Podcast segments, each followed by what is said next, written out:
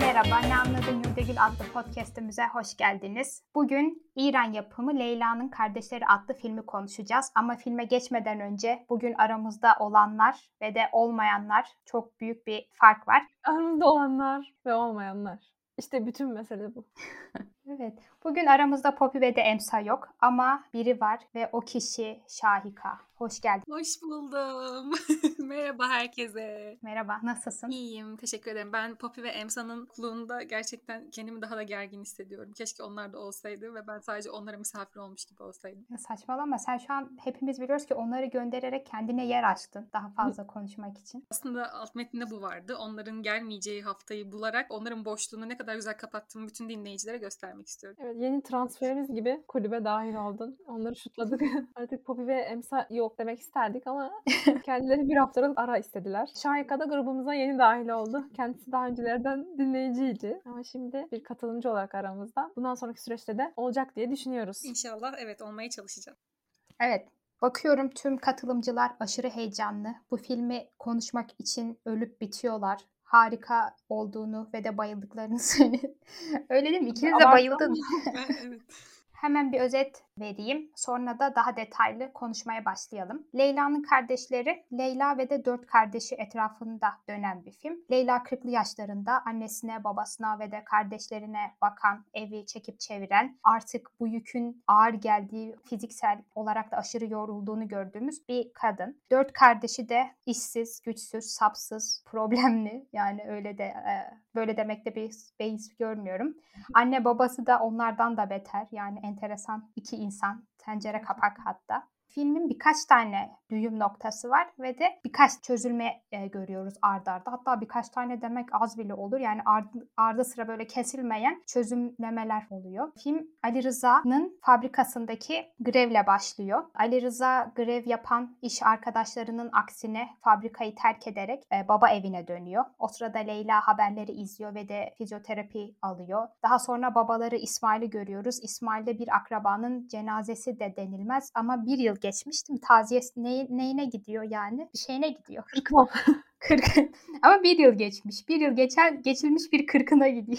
yani yastan daha çıkılmamış. O yastan çıkılacak mı çıkılmayacak mı böyle bir dinamik var. Ve de ailenin yeni reisi kim olacak? Çünkü ölen kişi ailenin reisiymiş. Sülalenin, aşiretin artık her neyse. Yani ortada bir bu ailenin reisi kim olacak? Sülalenin reisi kim olacak? Ve de İsmail'i bu neden bu kadar ilgilendiriyor? Bu olay var. Daha sonra Leyla'nın kardeşlerini ve de evi nasıl çekip çevireceğine dair ve de onlara nasıl bir geçim kaynağı sağlayabileceğine dair endişeleri ve de planları var. Bir yandan da Ali Rıza'nın ailenin dışında yaşayan ama arada gelip giden daha anlayışlı ama bir yandan da çok da etli sütlüye karışmadığı için bu şekilde tavır takınabildiği o hayatına ait gelgitleri görüyoruz. Ve de diğer kardeşler de daha ikincil rolde katkı sağlıyorlar. Böyle yani genel bu dinamikler etrafında dönen bir film. Ya bence film üç ana karakter etrafında dönüyor gibi. Aslında hani Leyla'nın kardeşleri evet dört erkek kardeşi var ama ilk başta Ali Rıza'yı görüyoruz. Onun kestiğini görüyoruz. Sonra babasını galiba değil mi? İsmail Ağa'yı görüyoruz. Aynen. Sonra da Leyla'yı görüyoruz. Yani diğerlerinin hayatlarına dair, yaşamlarına dair pek bir şey bize verilmiyor. Şey dahi. Manuşer de mesela ya önemli bir karakter. Hepsi önemli zaten de. Diğer iki kardeşe nazaran öne çıkan bir karakter olmasına rağmen biraz daha geri planda kalıyor. Hatta biraz sonra 40. dakikada falan giriyor yani filmi. Bu bakımdan sadece üç ana karakterin aslında biz yaşam öyküsünü azıcık şahit oluyoruz. Tabii ki ailenin gidişatı, İran'ın ekonomik durumu, sosyal statü bilmem ne. Hani bu tarz şeyleri çok fazla görsek de biraz daha bu karakterler etrafında şekilleniyor gibi. En azından onların iç dünyasını daha çok görme fırsatımız oluyor. Diğerlerine çok dışarıdan bakıyoruz. Onların rolleri bize aslında gösteriliyor. Evet. Buyur Şahika, senin görüşlerin ne? Ya ben filmi izlerken sürekli olarak kendimi Leyla ve Ali Rıza ile hangisine daha çok özleşiyorum diye bir kıyas yapma içerisindeydim. Sanki ikisinden birine bürünmem gerekiyormuş gibi hissettim ve çok en sonunda filmin sonunda çok böyle 50-50 kaldılar. Gerçekten ben de Flore'ye katılıyorum. Çünkü bu biraz Leyla'nın e, başrol olduğundan ve her şeyi çekip çevirmesinden de kaynaklanıyor olabilir. Bir de film beni gerçekten klasik diğer İran, çoğu İran filmi gibi diyebilirim. Çok gerdi, çok içine aldı. Yani bütün hafta sonu izlemiştim ve hafta sonumu yeri geldi geldi zehir etti, yeri geldi mutlu etti. Böyle çok yüksek yaşadım filmle alakalı her şeyi. O zaman tam gelmek istediğim yere sen geldin. bu filmden yola çıkarak İran sineması hakkındaki yorumlarınızı birazcık alayım. Yani bu filmi nereye koyuyorsunuz İran sineması içinde? Bir de genel olarak İran filmleri hakkında neler düşünüyorsunuz? İkinizin de izlediğini ve de beğendiğini biliyorum ama siz söyleyin. Yani ben çok duygusal oldukları için ya da bilmiyorum ben genelde hep zaten onları izliyorum.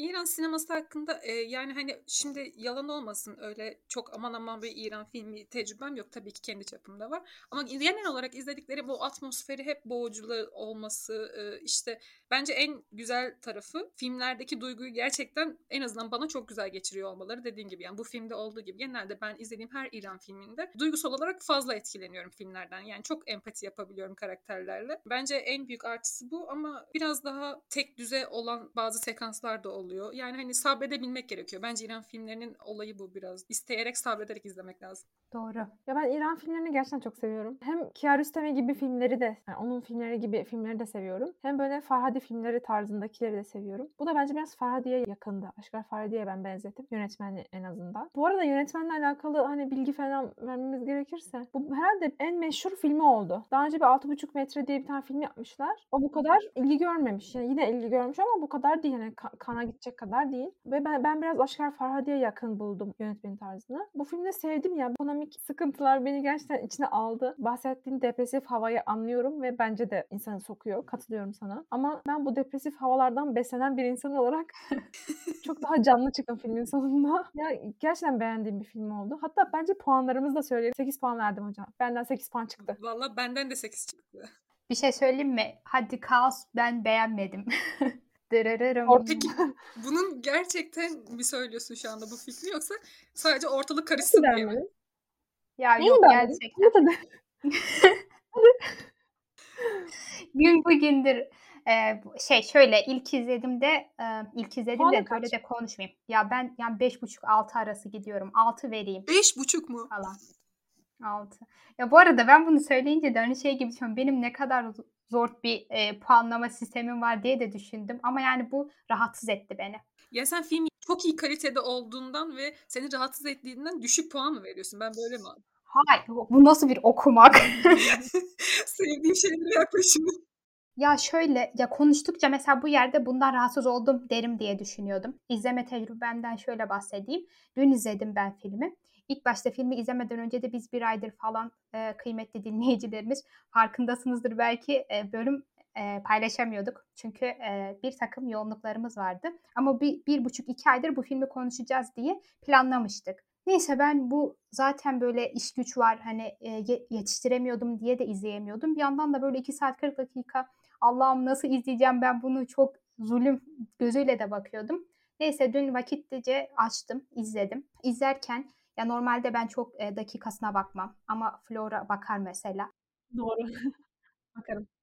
Yani hani ne zaman bitecek? Olaylar birbirinin ardı sıra yani devam etti devam etti ve de hani sonunda şu an ben yönetmen ne söylüyordu bilmiyorum. Karakterleri nereye koyayım bilmiyorum. Yani tüm bu olaylar ne kattı ne bitti. O ifadeler o cümleler neydi? Yani bir yandan çok anlamlı olsun diye böyle bir süslü süslü cümleler kullanmışlar ama bir yandan da bence Ben çok kişi arkadaşlar. Ben çıkıyorum. Bu- Daha devam edemeyeceğim. Ya tamam ben bu arada piyasada müthiş bir Leyla'nın kardeşleri e, spekülasyon dönüyor. Yani bu Ha. kadar muhteşem bir film değil. Bak buna katılıyorum. Ya çok güzel filmler var. Şuna katılmıyorum. Twitter'da orada burada sürekli hani çok güzel eleştirel bir film hani o kadar değil abartmayın yani bu kadar da değil. Biraz bence insanların bu kadar beğenmesinin altında o ekonomik durumun bize benzerliği bence yatıyor. İnsanlar bundan çok etkilendi diye düşünüyorum. Ben de aynısını düşünüyorum. Özellikle o yorumları ben de böyle o dedim. Hatta zaten çoğu insan da hep e, ülke olarak işte ne bileyim Orta Doğu e, şeyleri adetleri olarak falan deyip bize benzetmişler ama bence de herkesin bu kadar kendine yakın görmesinin temel sebebi o ekonomi, o işte ki tweet sahnesi vesaire bunlardan sebep bence de bu kadar popüler oldu. Ben de böyle düşünüyorum. Bir de beni şey rahatsız etti. Ben daha bu filme başlamadan önce dedim ki yani bakalım bu gerçekten hani festivallerde oy toplasın gelsin. Aman hani biz birkaç batılıyı etkileyelim niyetiyle yapılmış bir film mi diye biraz ön yargıyla başladım. Ama Bence sonra değil de. İzleyince yani bana çok şey geldi ya. Yani böyle gerçekten o halkın mı diyeyim ya da adamın ben de kendi hikayesini bence çok da anlatmak derdinde değil. Gerçekten şey gibi geldi. Bunu batıya anlatabileceği şekilde anlatmış ve böyle sanki çok egzoterik bir ortam, insan topluluk sunuyor ve de bu şekilde yabancı izleyicilerin yani dikkatine sunmuş gibi geldi. Bunu bir ya bilmiyorum keşke birkaç İranlı farklı böyle kesimlerden İranlı tanıdık olsa da sorsak yani hani siz bu filmden ne, ne anlıyorsunuz? Sizin için ne ifade ediyor? Bayağı var. Bilirim. Sen bir sorsana izlediler. Sorayım. Kesin izlemişler. Beni ya o açıdan e, rahatsız etti. Yani herkesin fikri kendine öncelik. ben saygılı bir insanımdır. Sana saygı duyuyorum ama görüşlerine saygı duymuyorum. Öncelikle bunu söyleyebilirim. Evet. E, katılmıyorum sana. Niye katılmıyorum? Bence ya sırf bu kadar ne, ne bileyim ya Everything Everywhere'de de olmuştu. Oscar'a gittiği için ön yargılı izlemiştik. Bunda da aynı şey yapmayalım. Ben izlemiştim. ben izlemiştim. ben ön yargılı bunu yapmayalım yani. Bence gayet başarılı bir filmdi. Ya tamam 8'lik sen bulmayabilirsin ama 5.5 ne hocam yani. Abartma istersen. Başarılı bir filmdi. Bence ya bilmiyorum ben e, filmin doluluğunu sevdim ve benim gerçekten süresine bakmadığım nadir filmlerdendir ki 2 saat 40 dakikaydı. Buna rağmen ilk mesela işte 40. dakikada baktım. 1 saat, 1,5 saatte baktım gibi. Araya normalde ben 5 dakikada bir ne kadar geçti diye bakıyorum yani. Dikkatim de dağılmamış. Ne hikmetse. İzlemişim yani bilmiyorum sevdim ben o yüzden. Dolu dolu olması da hoşuma gitti. Normal İran filmlerinden daha az sıkıcı bulunduğunu, bulunacağını düşündüğüm bir filmdi. Hatta bu yüzden de seveni çoktur diye düşünmüştüm. Hani daha az sıkıcı bulunmuştur diye. 2 saat 40 dakika olması da dezavantaj bana. Sıkıcı bulan da olmuştur ama yine de şaşırttın beni. Ben seni beğenirsin diye düşünmüştüm Hümeyra Hanım.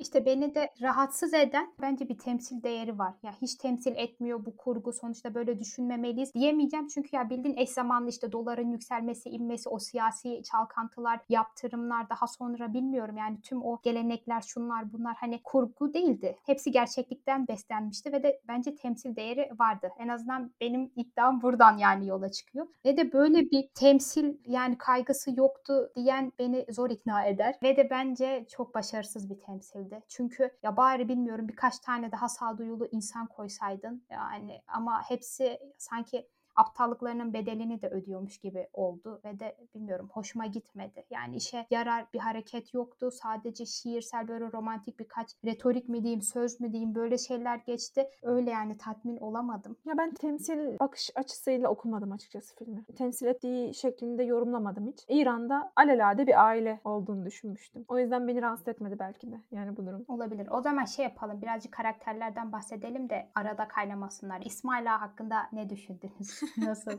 nasıl bir baba?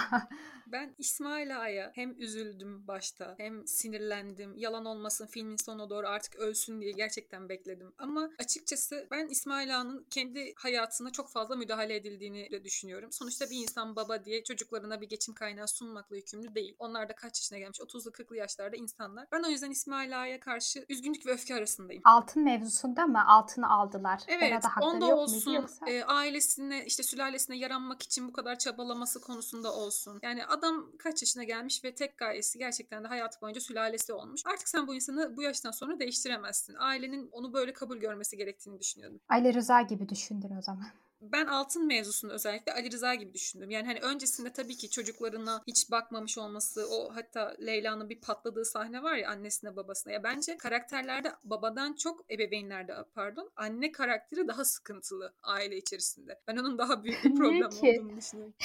Leyla açısından. Çünkü babanın bu kadar pervasızca yaşayabilmesi konusunda, çocuklardaki o dengeyi kuramama konusunda ya bunların hepsinde bence asıl annenin rolü daha etkili olmuş gibi geldi bana. Zaten Leyla ve anne arasındaki arasındaki o öfke, o böyle sürekli hiç dinmeyen o gerilim de. Bilmiyorum ben Leyla ile çok empati yapmışım.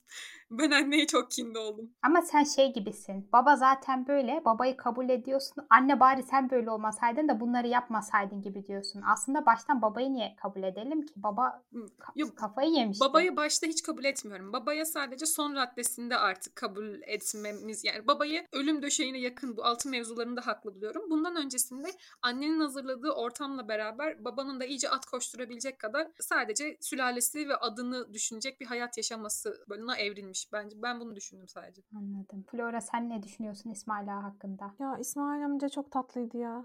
Onun o saygı hevesi beni gerçekten çok üzdü. Ya hem üzüldüm hem gerçekten bir tane Leyla yerine ben de tokat atmak istediğim yerler oldu yani. O amcanın suratının ortasına bir tokat nakşetmek istediğim dakikalar yaşandı. Ama yani bilmiyorum ya. Bazı insanlar hakikaten böyle. Bence böyle insanların gerçek hayatta var olduğunu Müge Anlı'da izleyebilirsiniz arkadaşlar. El alem ne der diye gerçekten çok garip kararlar alabiliyor insanlar. Ve yani anladım gerçekten böyle insanlar var bu hayatta. Ama bu denli tabii bu hani sülalenin dinamiklerini bilmiyoruz ama bir sülalede herhalde çok önemli bir şey ki reis olmak. Amca yani bütün hayatını bunu adayabilmiş. Varını yoğunu satıp el alemin çocuğuna 40 altın almayı arzu edebilmiş. Bunu yapabilmiş. İpotek ettirdiği yalanı falan. Sevin, sevinecek misin üzülecek misin amca? Yani ne yaptın? Hani bu yalanla dükkanı sattırdın bir üzülüyorsun bir diyorsun ki tamam en azından ev ipotekli değil. Hani çok rezil bir şeydi ya. Yani amcanın yaptığı o tokatı ben atmak istiyordum Leyla. Keşke ben atsaydım. Tokatın önemi gerçekten çok fazla. Yani düşündüğünde bizim aile yapımızda da bir kadının yani erkek de olabilir. Bir evladın babasına tokat atması müthiş büyük bir olay. O toplumda belki daha da fazladır. Hayal bile edemiyorum yani bu Ben de onu şeyi. soracaktım. Ya. Yani tokat hakkında ne düşünüyorsunuz? Filmin adı Leyla'nın tokadı olsaydı da olurdu bence. Orada koptu bir kayış. Size na- nasıl hissettirdi? Bekliyor muydunuz öyle bir şiddet sahnesi? Ben fiziksel şiddet asla beklemiyordum. Ama gerçekten ben de Flor'un dediği gibi o tokadı o an o kadar atmak istiyordum ki mutlu oldum. Yani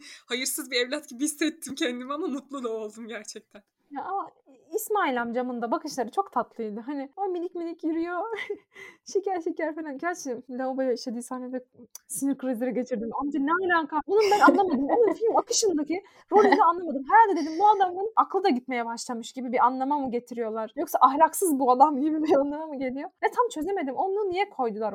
Mesela bak bu bir eleştiridir.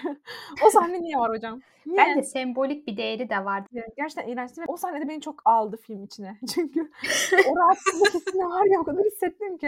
Ya damarlarımda aktı yani rahatsızlık hissi. Ve dedim ki Leyla dedim ellerinle oraya a- ovaladın ya. Sen dedim bu ailenin kahramanısın. Niye eliyle yaptı? Yani Yani belki süngeri fazladan yoktur ve süngerlerini kirletmek istemiyorlar. Eli yıkanır ama süngeri Belki de. atacaksın.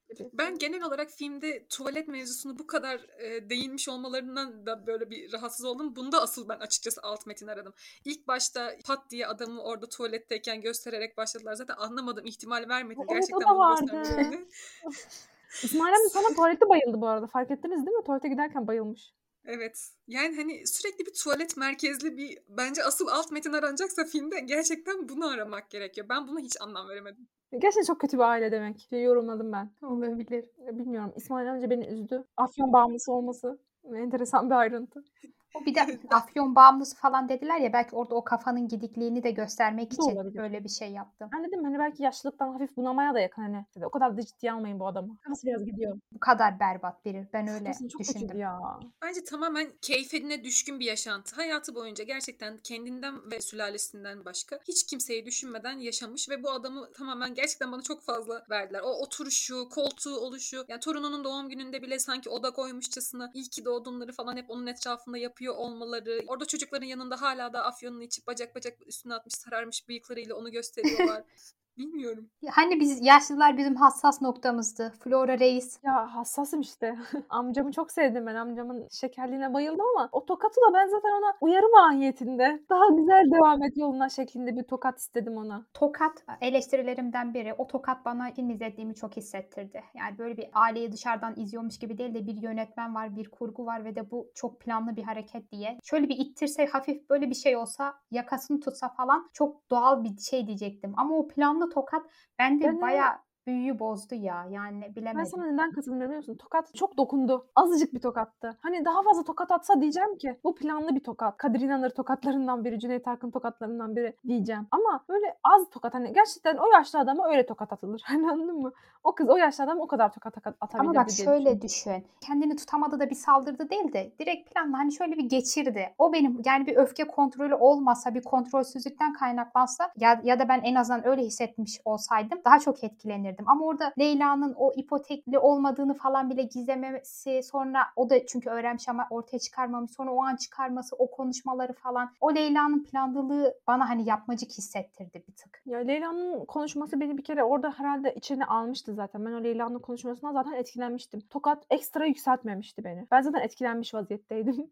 o yüzden belki Tokat'ı dikkatli şey yapmadım ama sadece yani yaşlı amcaya zaten çok hatta o kardeş küçük kardeşleri çıldırdığını dedim ki o kadar da atmadı aslında. Yani Serhat'cığım sakin ol.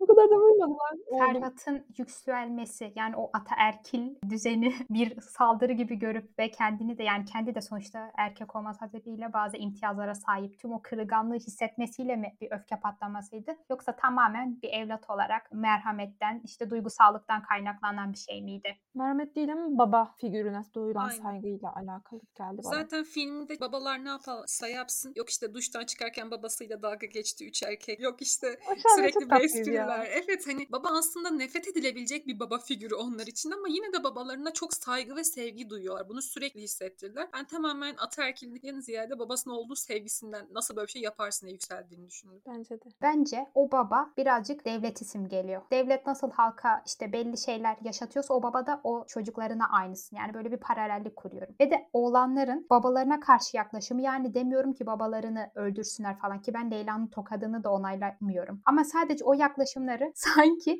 halkla işte devlet arasındaki o ilişkinin de bir simgesiymiş gibi. Ben yani ben böyle okudum. Belki de böyle okuduğum için sıkıntılıdır şu an tüm bu söylediklerim. Ve de o yaklaşımları bana şey geliyor. Her şeye rağmen işte o romantik sevgi mi diyeyim. Yani tamam yaşlı bir adam tabii ki de bence merhametli olması lazım. Biz de inanıyoruz anne babaya hürmetin gerektiğine. Ama orada yani doğru bir hayat yaşamak pahasına babalarıyla bu ilişkiyi kurmaları bana sorunlu geldi ve de sanki halkın da devletle ilişkisi bu mu yani hani burada en azından gösterilen bu mudur diye de bir düşündüm. Ya bana şey gibi gelmişti o aile içerisinde anne baba gerçekten evlatlarıyla iletişimi sıfır bir anne baba. Yani hatta Leyla'nın bir yerde isyanı vardı ya annesi için. Anne sen hani babamı önceledin. Çocukların arasında da hep oğlanları önceledin. Ben zaten senin için hani en sondaydım. Beni hep üçüncü plan attın hatta. ikinci planda değil. Hani bu eleştiriye de baktığında zaten anne babanın ilişkisi çok sıkı fıkı. Onlar birbiriyle gayet iyiler. Diğerleri hep dışarıda kalmış gibi. Evet. O yüzden hani o birbirlerinden bir şeyler saklamaları, gizlemeleri, düşüncelerini net söylememeleri, hani bir yandan büyük kavgalar yaşanıyor ama bir yandan banyo sonrası fıkırdaşmalar oluyor falan. O açıdan çok bana enteresan gelmedi. O aile zaten enteresan bir aile dedim. Hani bu aileye özgü bir gariplik var diye yorumladım ben. Baba da çocuklarıyla iletişim gerçekten çok kötü. Baktığında kız zaten o ben anlamadım kız o evde mi yaşıyor mu? Hani böyle bir yandan hizmetçi gibi sanki gidiyor geliyor hani çok çok anlamıyorsun. Kim o evde yaşıyor aktif olarak? Hani bunu sana hiç vermiyor zaten film. Hani o yüzden de çok fazla karakterlerin yaşantısını biz görmüyoruz. Her şey para ve para bulma, dükkan açma ya da ailesel krizler etrafında dönüyor. Çok fazla dışına çıkmıyoruz. Sadece gördüğümüz sadece kriz anları. Ona rağmen 2 saat 40 dakika ve bilmiyorum hani dediğin gibi biraz belki devlet simgeliyor olabilir ama o tokatın anlamı bence biraz daha işte ailenin babasına yönelik bir darbe gibiydi. Ki zaten bütün evlatlar da buna razı gelmedi. Evet. Ama anneye fark ettiyseniz anneye çok ağır şeyler söyledi kız. Hiç kimse sesini çıkartmadı aksine katıldılar. Ataerkillik biraz burada var işte. Babaya duyulansaydı anne ama hani anne hor görülür anne sen şöylesin Oysa ki ikisi de aynı şeyi yapıyor ve de anne babayı suçladıkları işte hani evlilik dışı ilişkileri olmasından hani sürekli kim ahlaklı kim ahlaksız tartışması var. Ve mesela kimse Evet. babanın ahlakı konusunda konuşmuyor. İşin kötü tarafı zaten ahlak meselesini de en çok anne gündeme getiriyor. Hani diyor ya sen daha senin kadar kadın düşmanı da görmedim. Bence zaten bizim topluma benzeyen bir ayrıntı da bu. Bizim toplumda da yaşlı kadınlar ya da orta yaş üstü kadınlar hatta biraz daha ahlakçılar. Kendi kızlarına dahi biraz daha ahlakçı yaklaşıyorlar. Babanın çok umurunda değil yani kızının tavrı. Hatta sigara içmesi falan hani babayın çok da umursamıyor ki. Baba zaten yapan bir adam. Mutfak lavabosuna yapan bir adam. Çok da umursayacağını zannetmiyorum ama anne yani alakalı ala- alakasız yerlerde kızı iffetsizlikle suçluyor mesela. Böyle bir anne baba. Ve anne kızın arasındaki o nefret ilişkisi de bence o da biraz daha yine bizim bu toplumumuzdaki Bence o terk düzenden gelen anne kız nefretinden kaynaklanıyor. Leyla'nın bir ağrı, fıtık problemi olduğu en başından beri belliydi. Ve mesela evi çekip çevirme, bütün işleri halletme olayı da yine onda. Bir sahnede ben orada mesela çok mutlu olmuştum. Ali Rıza bir anda kalkıp yardım edin hani bu kız kötü bakın dediğinde böyle Ferhat falan sanırım ittiriyordu. Annenin asla umursamaz tavrı, orada Leyla'nın gelinden yardım istemesi, annenin onu sürekli düşman gibi görmesi falan yani böyle ben anneden nefret ettim ya. Gerçekten azıcık verdiler ama nefretimizi kazandı. Hakikaten nefret İsmail o kadar ettim. kazanamadı. Ya İsmail'in bir sempatik tarafı vardı da annenin Allah affetsin hiçbir Ya sempatik İsmail tarafı yok. kırmızı burnu bize şey yaptı gibi geldi. O ilk taziyeye gittiği vakit sinsi sinsi tatlıydı ya. sokuluyordu ya ayakta kaldı falan. Siz orada ona acıdınız. Ben film boyunca acıdım adama. O minik minik yürüyor fıtı fıtı falan. E, çok tatlıydı. Anne sevimsizdi. Saçının boyasıyla bakma. Annenin sevimsizliği beni çok rahatsız etti. Ama İso'ya bayıldım yani. Gerçekten İso çok tatlıydı. Bir de şey görmüştüm. Bu Leyla anne babasına bazı yerlerde sanki nefret ediyor gibi davranıyordu. Hastaneye gidecekler. Uf, Onlarınki işte şey doktor ayağına gelsin istiyor falan. Bir şeyler söyledi mesela. Hani ne bileyim ciddiye bile almıyor anne babasının rahatsızlıklarını. Ciddiye alınmasını istemiyor hatta. Kendisinin almamasını geçtim. Ali Rıza geldiğinde bakma ilgilenme onlarla falan diyor. Sen geldiğin zaman işte böyle şımarıyorlara getiriyor. Hani ciddi ciddi o anne babanın tavrı bir tek Leyla'da nefret oluşturmuş. Çünkü biraz yine erkek çocuklarının yani Leyla'ya göre daha ön planda tutulması, el üstünde tutulmasının bir neticesi olabilir diye düşünüyorum. Hani Leyla gerçekten en hor görülen karakter olmuş o aile içerisinde.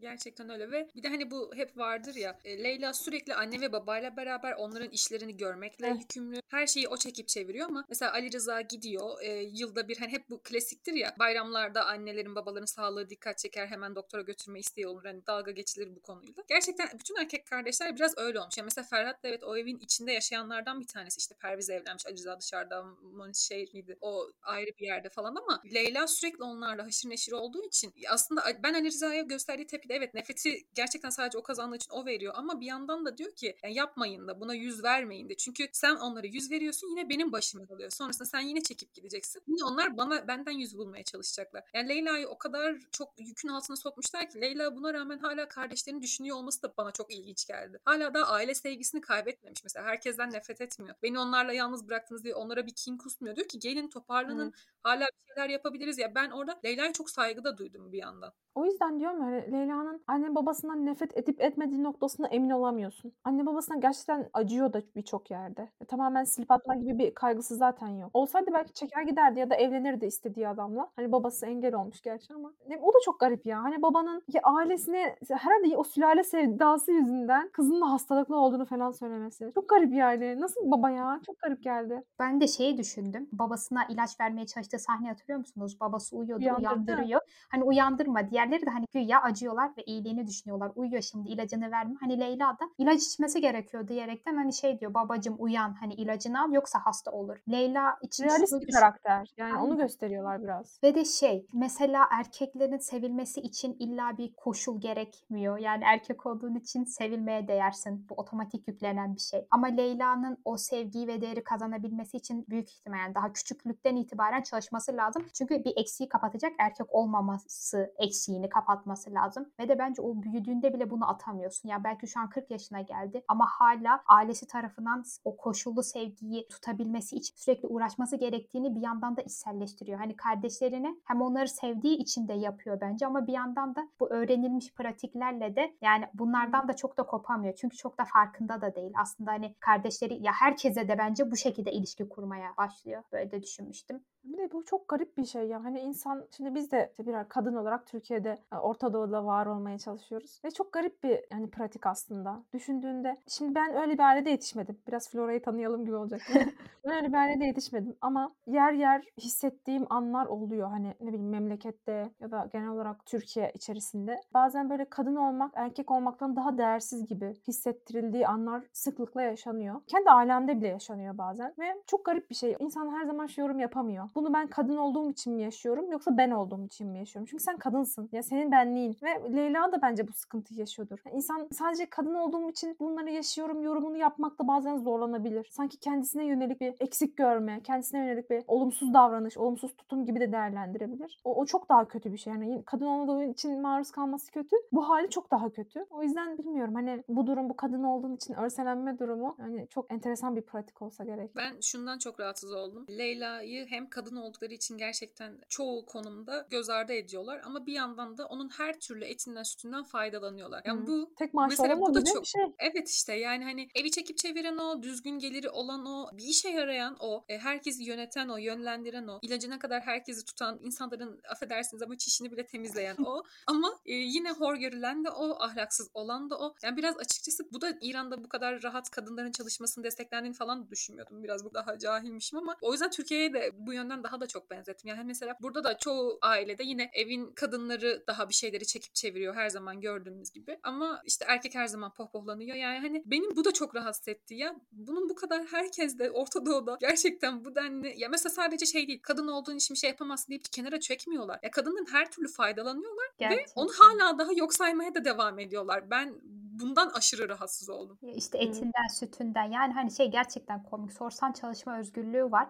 Ama yani işte Ali Rıza da çalışsın, Ferhat da çalışsın. Akşam eve geldiklerinde sofrayı kim kuracak? Leyla. İşte evi kim temizleyecek? Leyla. Ama hani baktığında ikisinin de iş gücü, emek yani eve hadi para getirme konusunda Leyla daha da üstün. Ama Leyla'nın o saygıyı tutabilmesi için evde de, de değer üretmesi gerek. Ve girdiğin her yerde senin bir değer üretip işe yarar olduğunu göstermen lazım. Saygı kazanmak için hep daha fazla çalışman, çabalaman lazım. Üzücü. Peki şeylere başlayacak mıyız? Ben onlara çok heyecanlıyım. Biraz e, altınların çalınması konusundaki etik tutumumuz. O zaman şeyden e, Leyla Leyla'dan devam edelim. Leyla'nın bu fikirleri, planları genel olarak işte karakteri hakkında da bu olaylar üzerinden, verdiği kararlar üzerinden düşüncelerinizi alalım. Buyurun. Tamam ben bu konuda çok heyecanlı olduğum için hemen başlayacağım. Çünkü ben gerçekten tamam bunu çok hissettirdiler bize Leyla'nın o altınları çalmaya, vermemeye çok meyilli olduğunu ama ben son ana kadar tam bir saflıkla çalmaması konusunda çok umutluydum. O kutunun içerisinden altınların çıkmasını çok bekledim. Çünkü orada ben çok üzüldüm babaya. O kadar hele ki onun o kadar pohpohlandığını, o adamcağızın o kadar mutlu olduğunu, kardeşlerinin bir arada belki de uzun bir zamandır bu kadar eğlendiğini gördükten sonra yani gerçekten insan olarak ilk defa bir ortamda değer görüyorlarmışçasına üstün tutulduğunu gördükten sonra altın kutusunun boş çıkması beni mahvetti.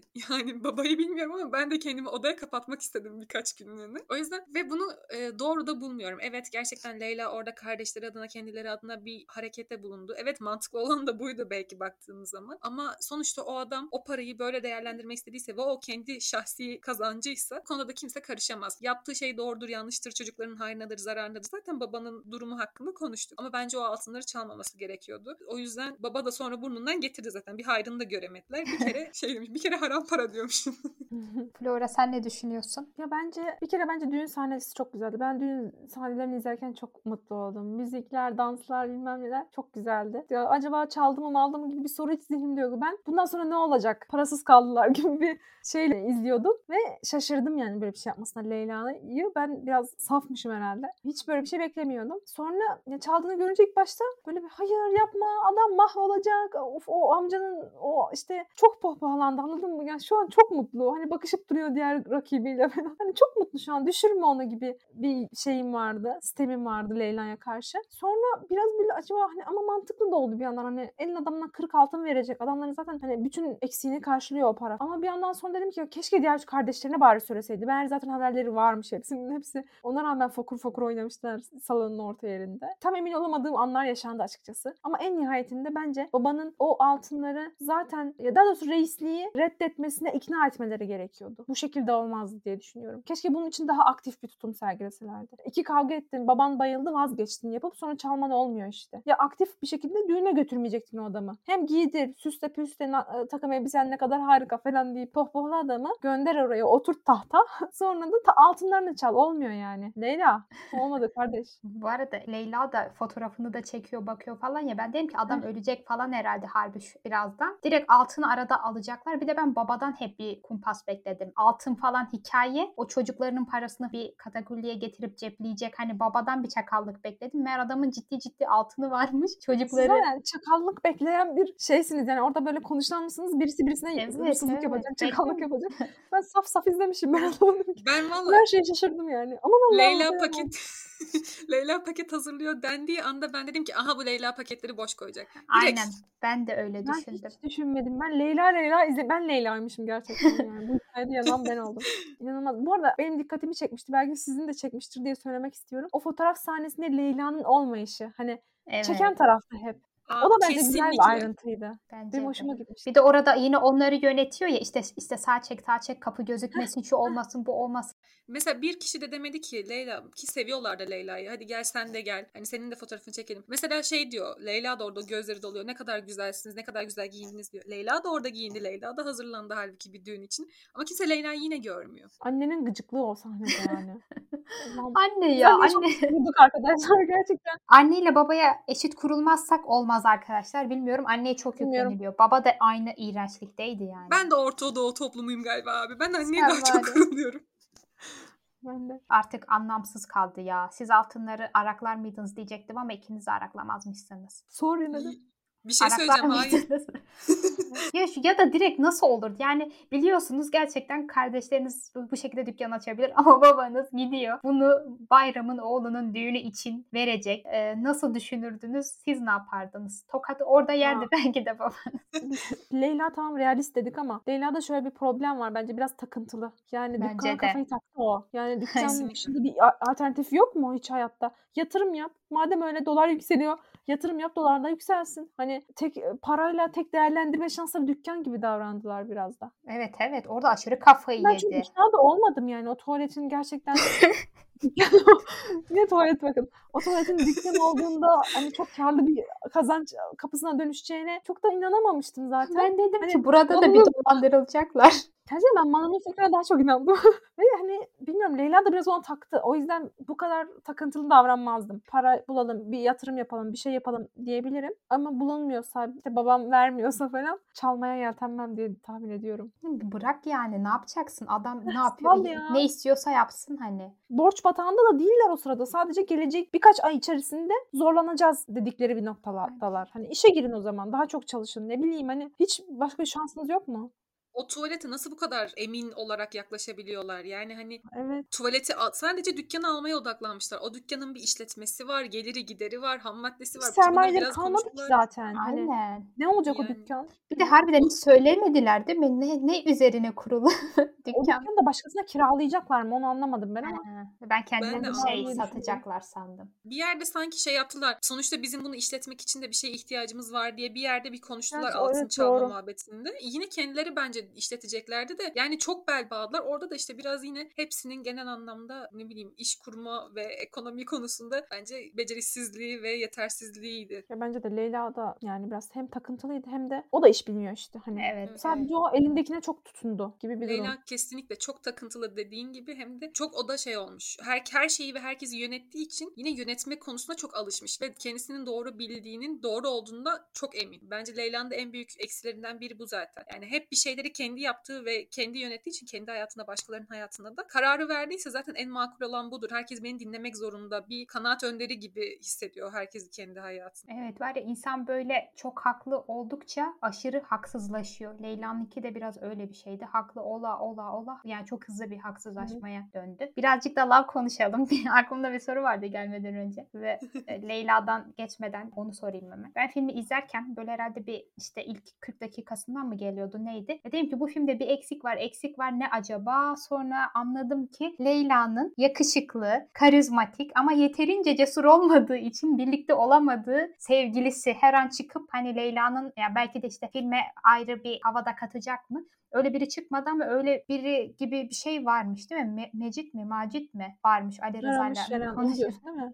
Üçüncü Aynen. evliliği. Şaykan'ın da dediği, babanın Leyla sakat deyip evlendirmediği o kişi varmış. Bu konuda ne düşünüyorsunuz? Burada şey mi söylemek istedin? O kurtarıcı erkek love figürü yoktu filmde diye takdir mi ettin? Ben bunu anlamadım başta. Ya yok yok sadece olarak- izlerken o akışta böyle biri çıksa hiç şaşırmazdım. Yani çünkü hep böyle olmuyor mu? Bir anda böyle çıkıyor Evet. ama yani gerçekten Göz bir geçmişte o- aradı. Ha, göz bir aradı sonra işte üçüncüde keramet vardır belki de ama üçüncüyü de biz görememiş olduk. Buradan da yine aslında babaya döndü bu hikayede. Babasının yine hainliğine kızım sakat işte yok şöyle yok böyle deyip o konuda Şayka senin diyeceklerin vardı. Evet ben şuna şaşırdım. Leyla her konuda bu kadar kendini ifade ediyormuş gibi hani görülse de ya tamam evet nereye kadar ses çıkarmış sonuçta bunun önceki hayatında ama hani Leyla annesine babasına tokat atabilecek kadar da aslında cesur bir karakter. Nasıl olmuş da birini sevdi madem bu sevgi konusunda bu kadar ardını arkasını getirememiş. Bu yaşına kadar meka- bekar gelmiş. Ben zaten bu olay patlayana kadar Leyla'nın neden bekar olduğu konusunda gerçekten düşündüm. Çünkü ben de love konusu bekledim. Bir göz aradı benim de gözüm aradı.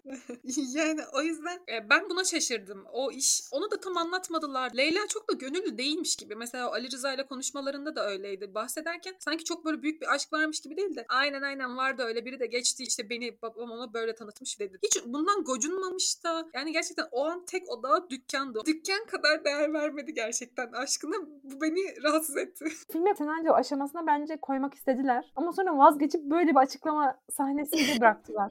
Abi düşündüm. 2 saat 40 dakika oldu dur girmeyelim.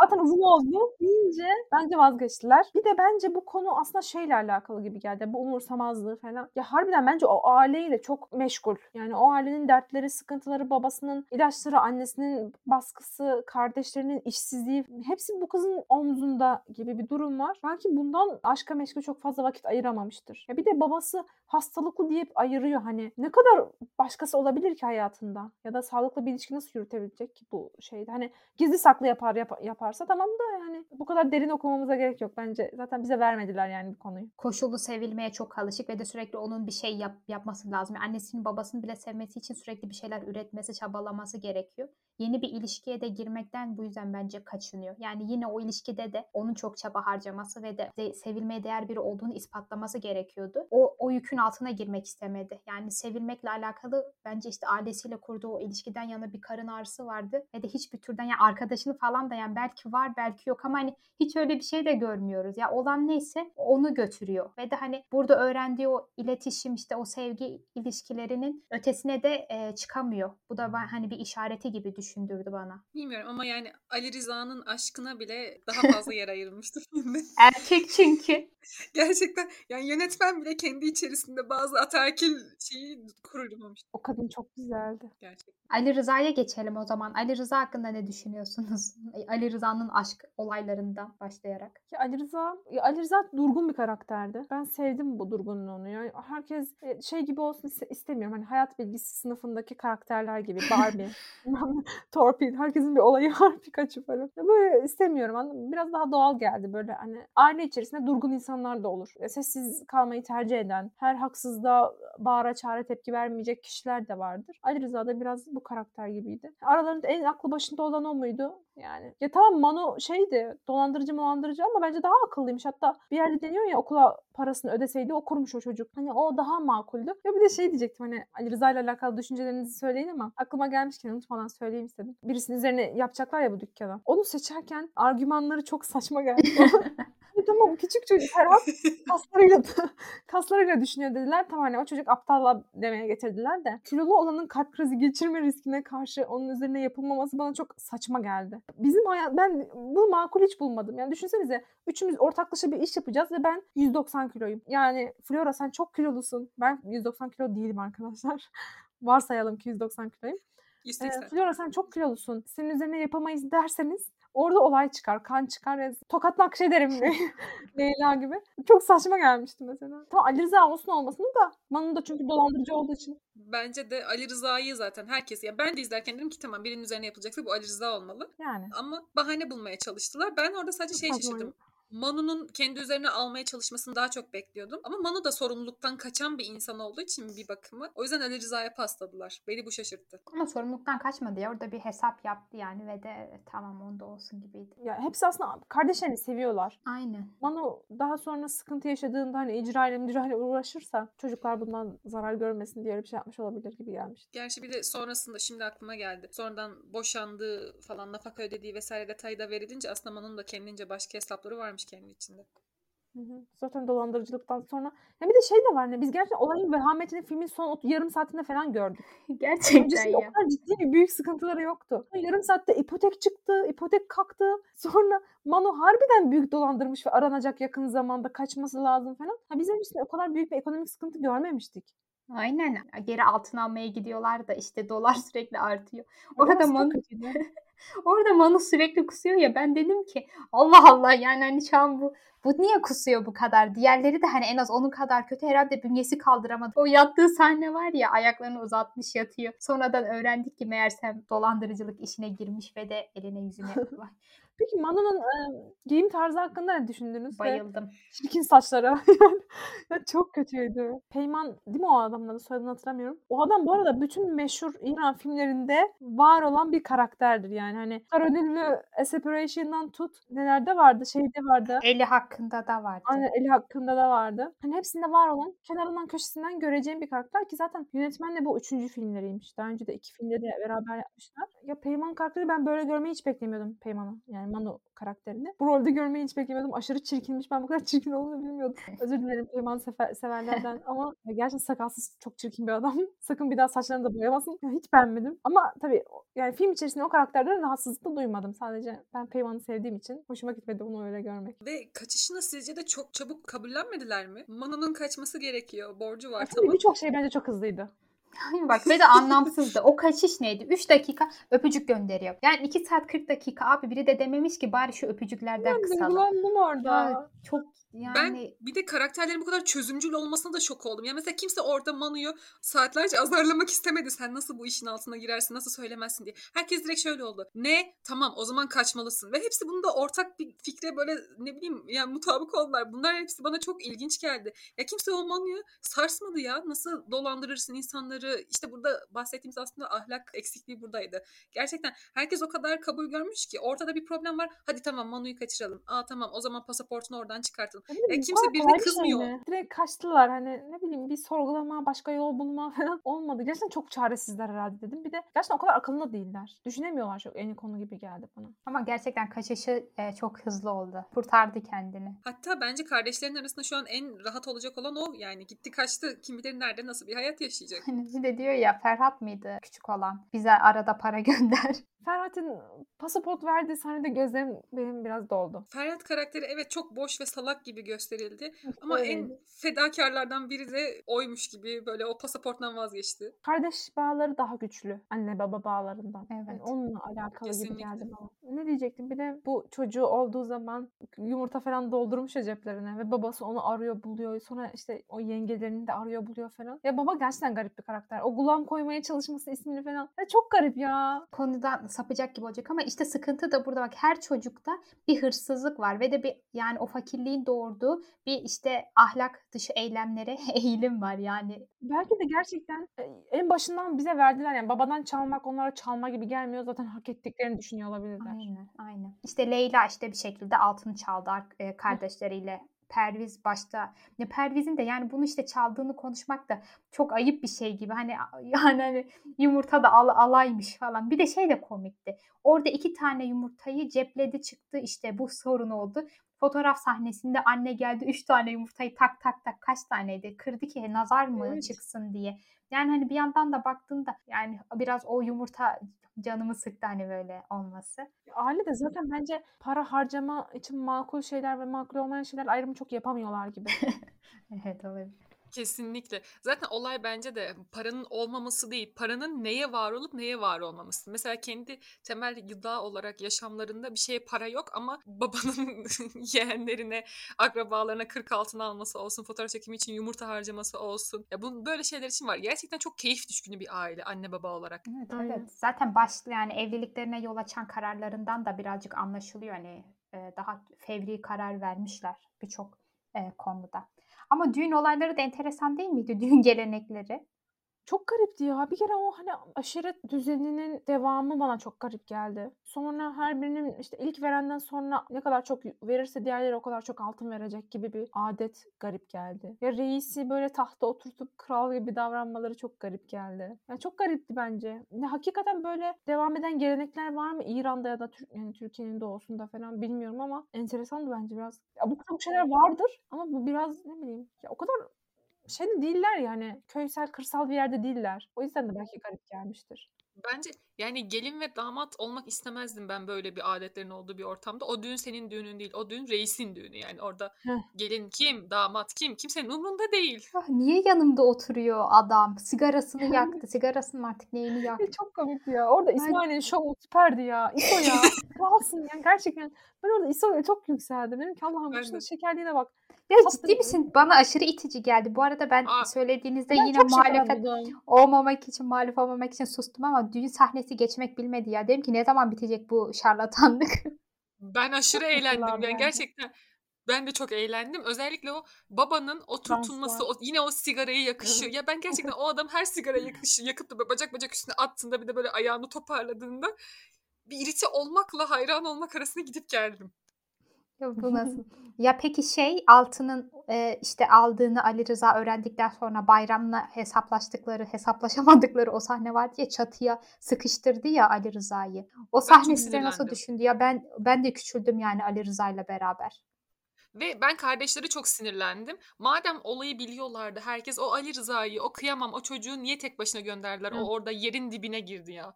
Ya bu plan zaten böyle bir şey yapacaksanız o düğüne gitmeyeceksiniz. Bitti. Nokta. Babanızı da göndermeyeceksiniz. Hani arabanın yani. lastiği patlasaydı, babasını ne bileyim uyku ilacı falan koysaydınız, gidemeseydi, hasta deseydiniz.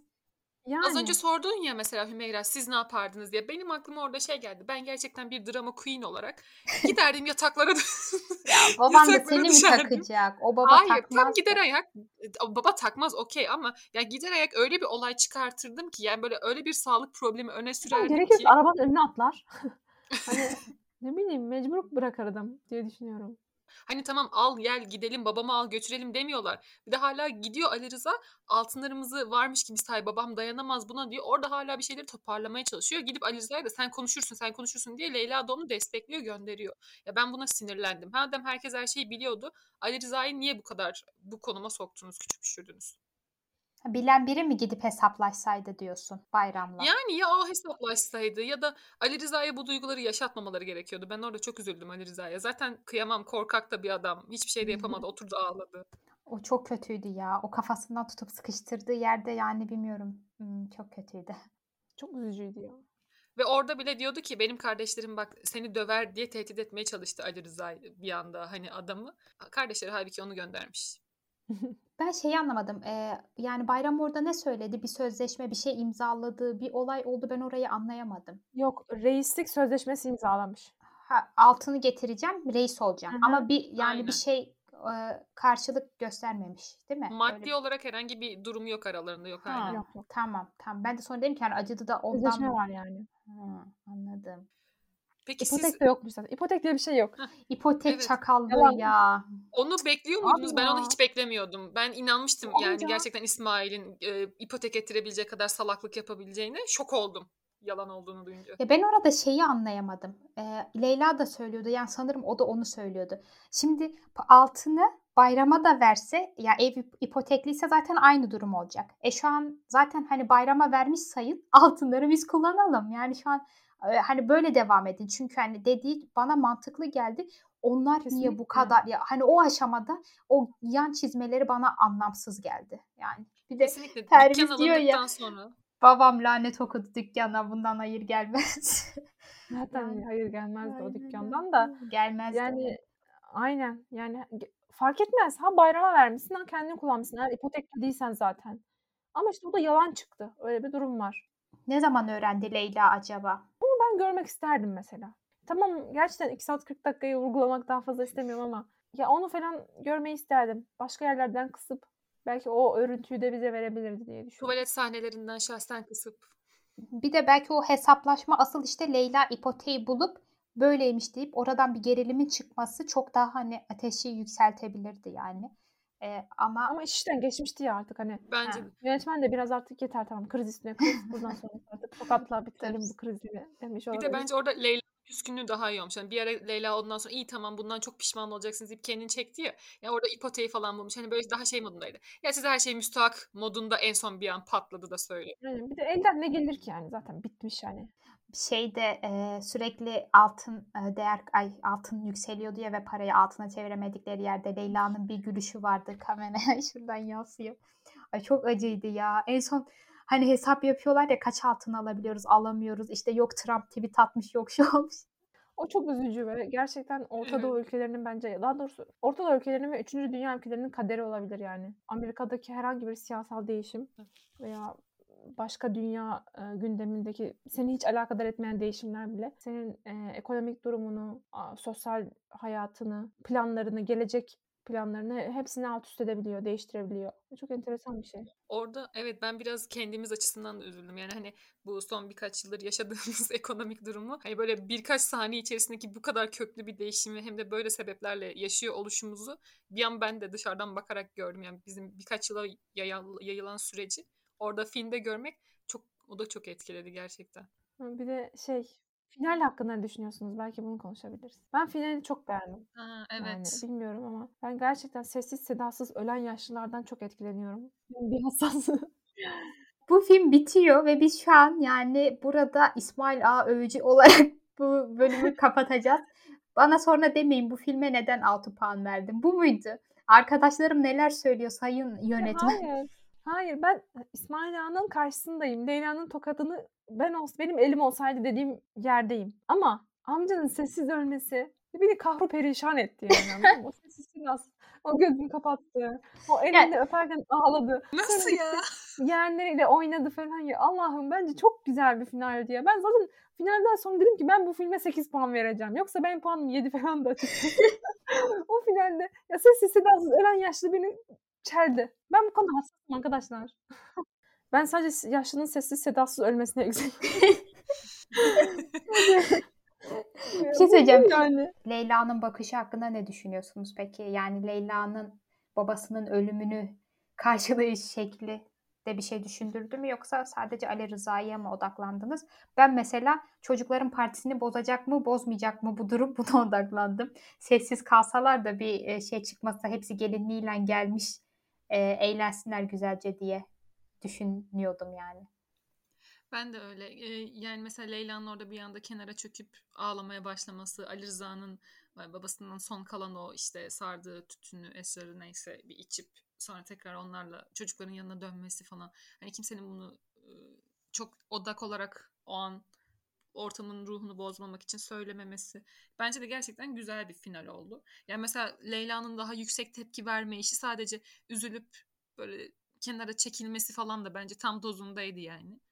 Yani herhalde gerçekten insan babasına falan ne kadar öfkeli olursa olsun kaybettiğinde müthiş bir üzüntü duyar. Yani biraz ya Leyla da ne kadar yer yer filmde keşke ölseniz ölün de kurtulalım gibi şeyler söylese de o da üzüldü yani. Biraz ama ya bu durum işte biraz ne bileyim ya o ailenin yapısı gerçekten böyle gibi. Hani birisi ölür ve sessiz sedasız gözünü kapatıp devam ederler hayatlarına ee, gibi sadece Gulam gibilerinki unutulmaz herhalde. Üzücüydü. Üzücü bir sondu. Ve beni tatmin etti. Ben mutlu oldum. Ali Rıza'yla Bayram konuşurken Bayram dedi ya ben, ben oğlumu sizin gibi otopark köşelerinde mi evlendirseydim? Onun dışında işte başında da babasının ne kadar ya bir yıl geçmiş taziyesi yası devam ediyor ve de hani büyük bir kalabalık vardı. Hani düğünleri nasıl ki işte o ailenin böyle daha yoksulsa işte ölümü de büyük ihtimalle öyle oldu. Yani hani öldükten sonra taziyesi de aynı şekilde devam edecektir. Ha bir de sizce hayatları değişmiş midir babaların ölümünden sonra? Bence Leyla bir içten içe ulan o dükkanı sattılar babamın gönlü hoş olsun diye adam da öldü. Değer kaybettiğimizde kaldık diye bir tık üzülmüştür. Peki Leyla ailenin reisi olmuş mudur? Babasının ölümünden sonra ipleri tamamen eline almış mıdır sizce? Bence almıştır. Ee, Çünkü artık annenin destekleyebileceği bir baba kalmadı. O iyice kendi köşesine çekilmiştir. Kardeşler zaten daha çok Leyla'nın dediklerinden çıkmadan hareket edebiliyorlardı. Bence gerçekten biraz daha ben toparlandıklarına inanıyorum ya. Baba gittikten sonra evdeki büyük bir müsriflik kaynağı ortadan kaybolmuş olacak. En azından lavaboların temiz olacağına güvenebilecekler. Kesinlikle. Epeyce bir konuştuk. Bizim için keyifli bir kayıttı. Sizin için de inşallah dinlemesi keyifli olur. Bir sonraki bölümde görüşmek üzere. Hoşçakalın. Görüşürüz.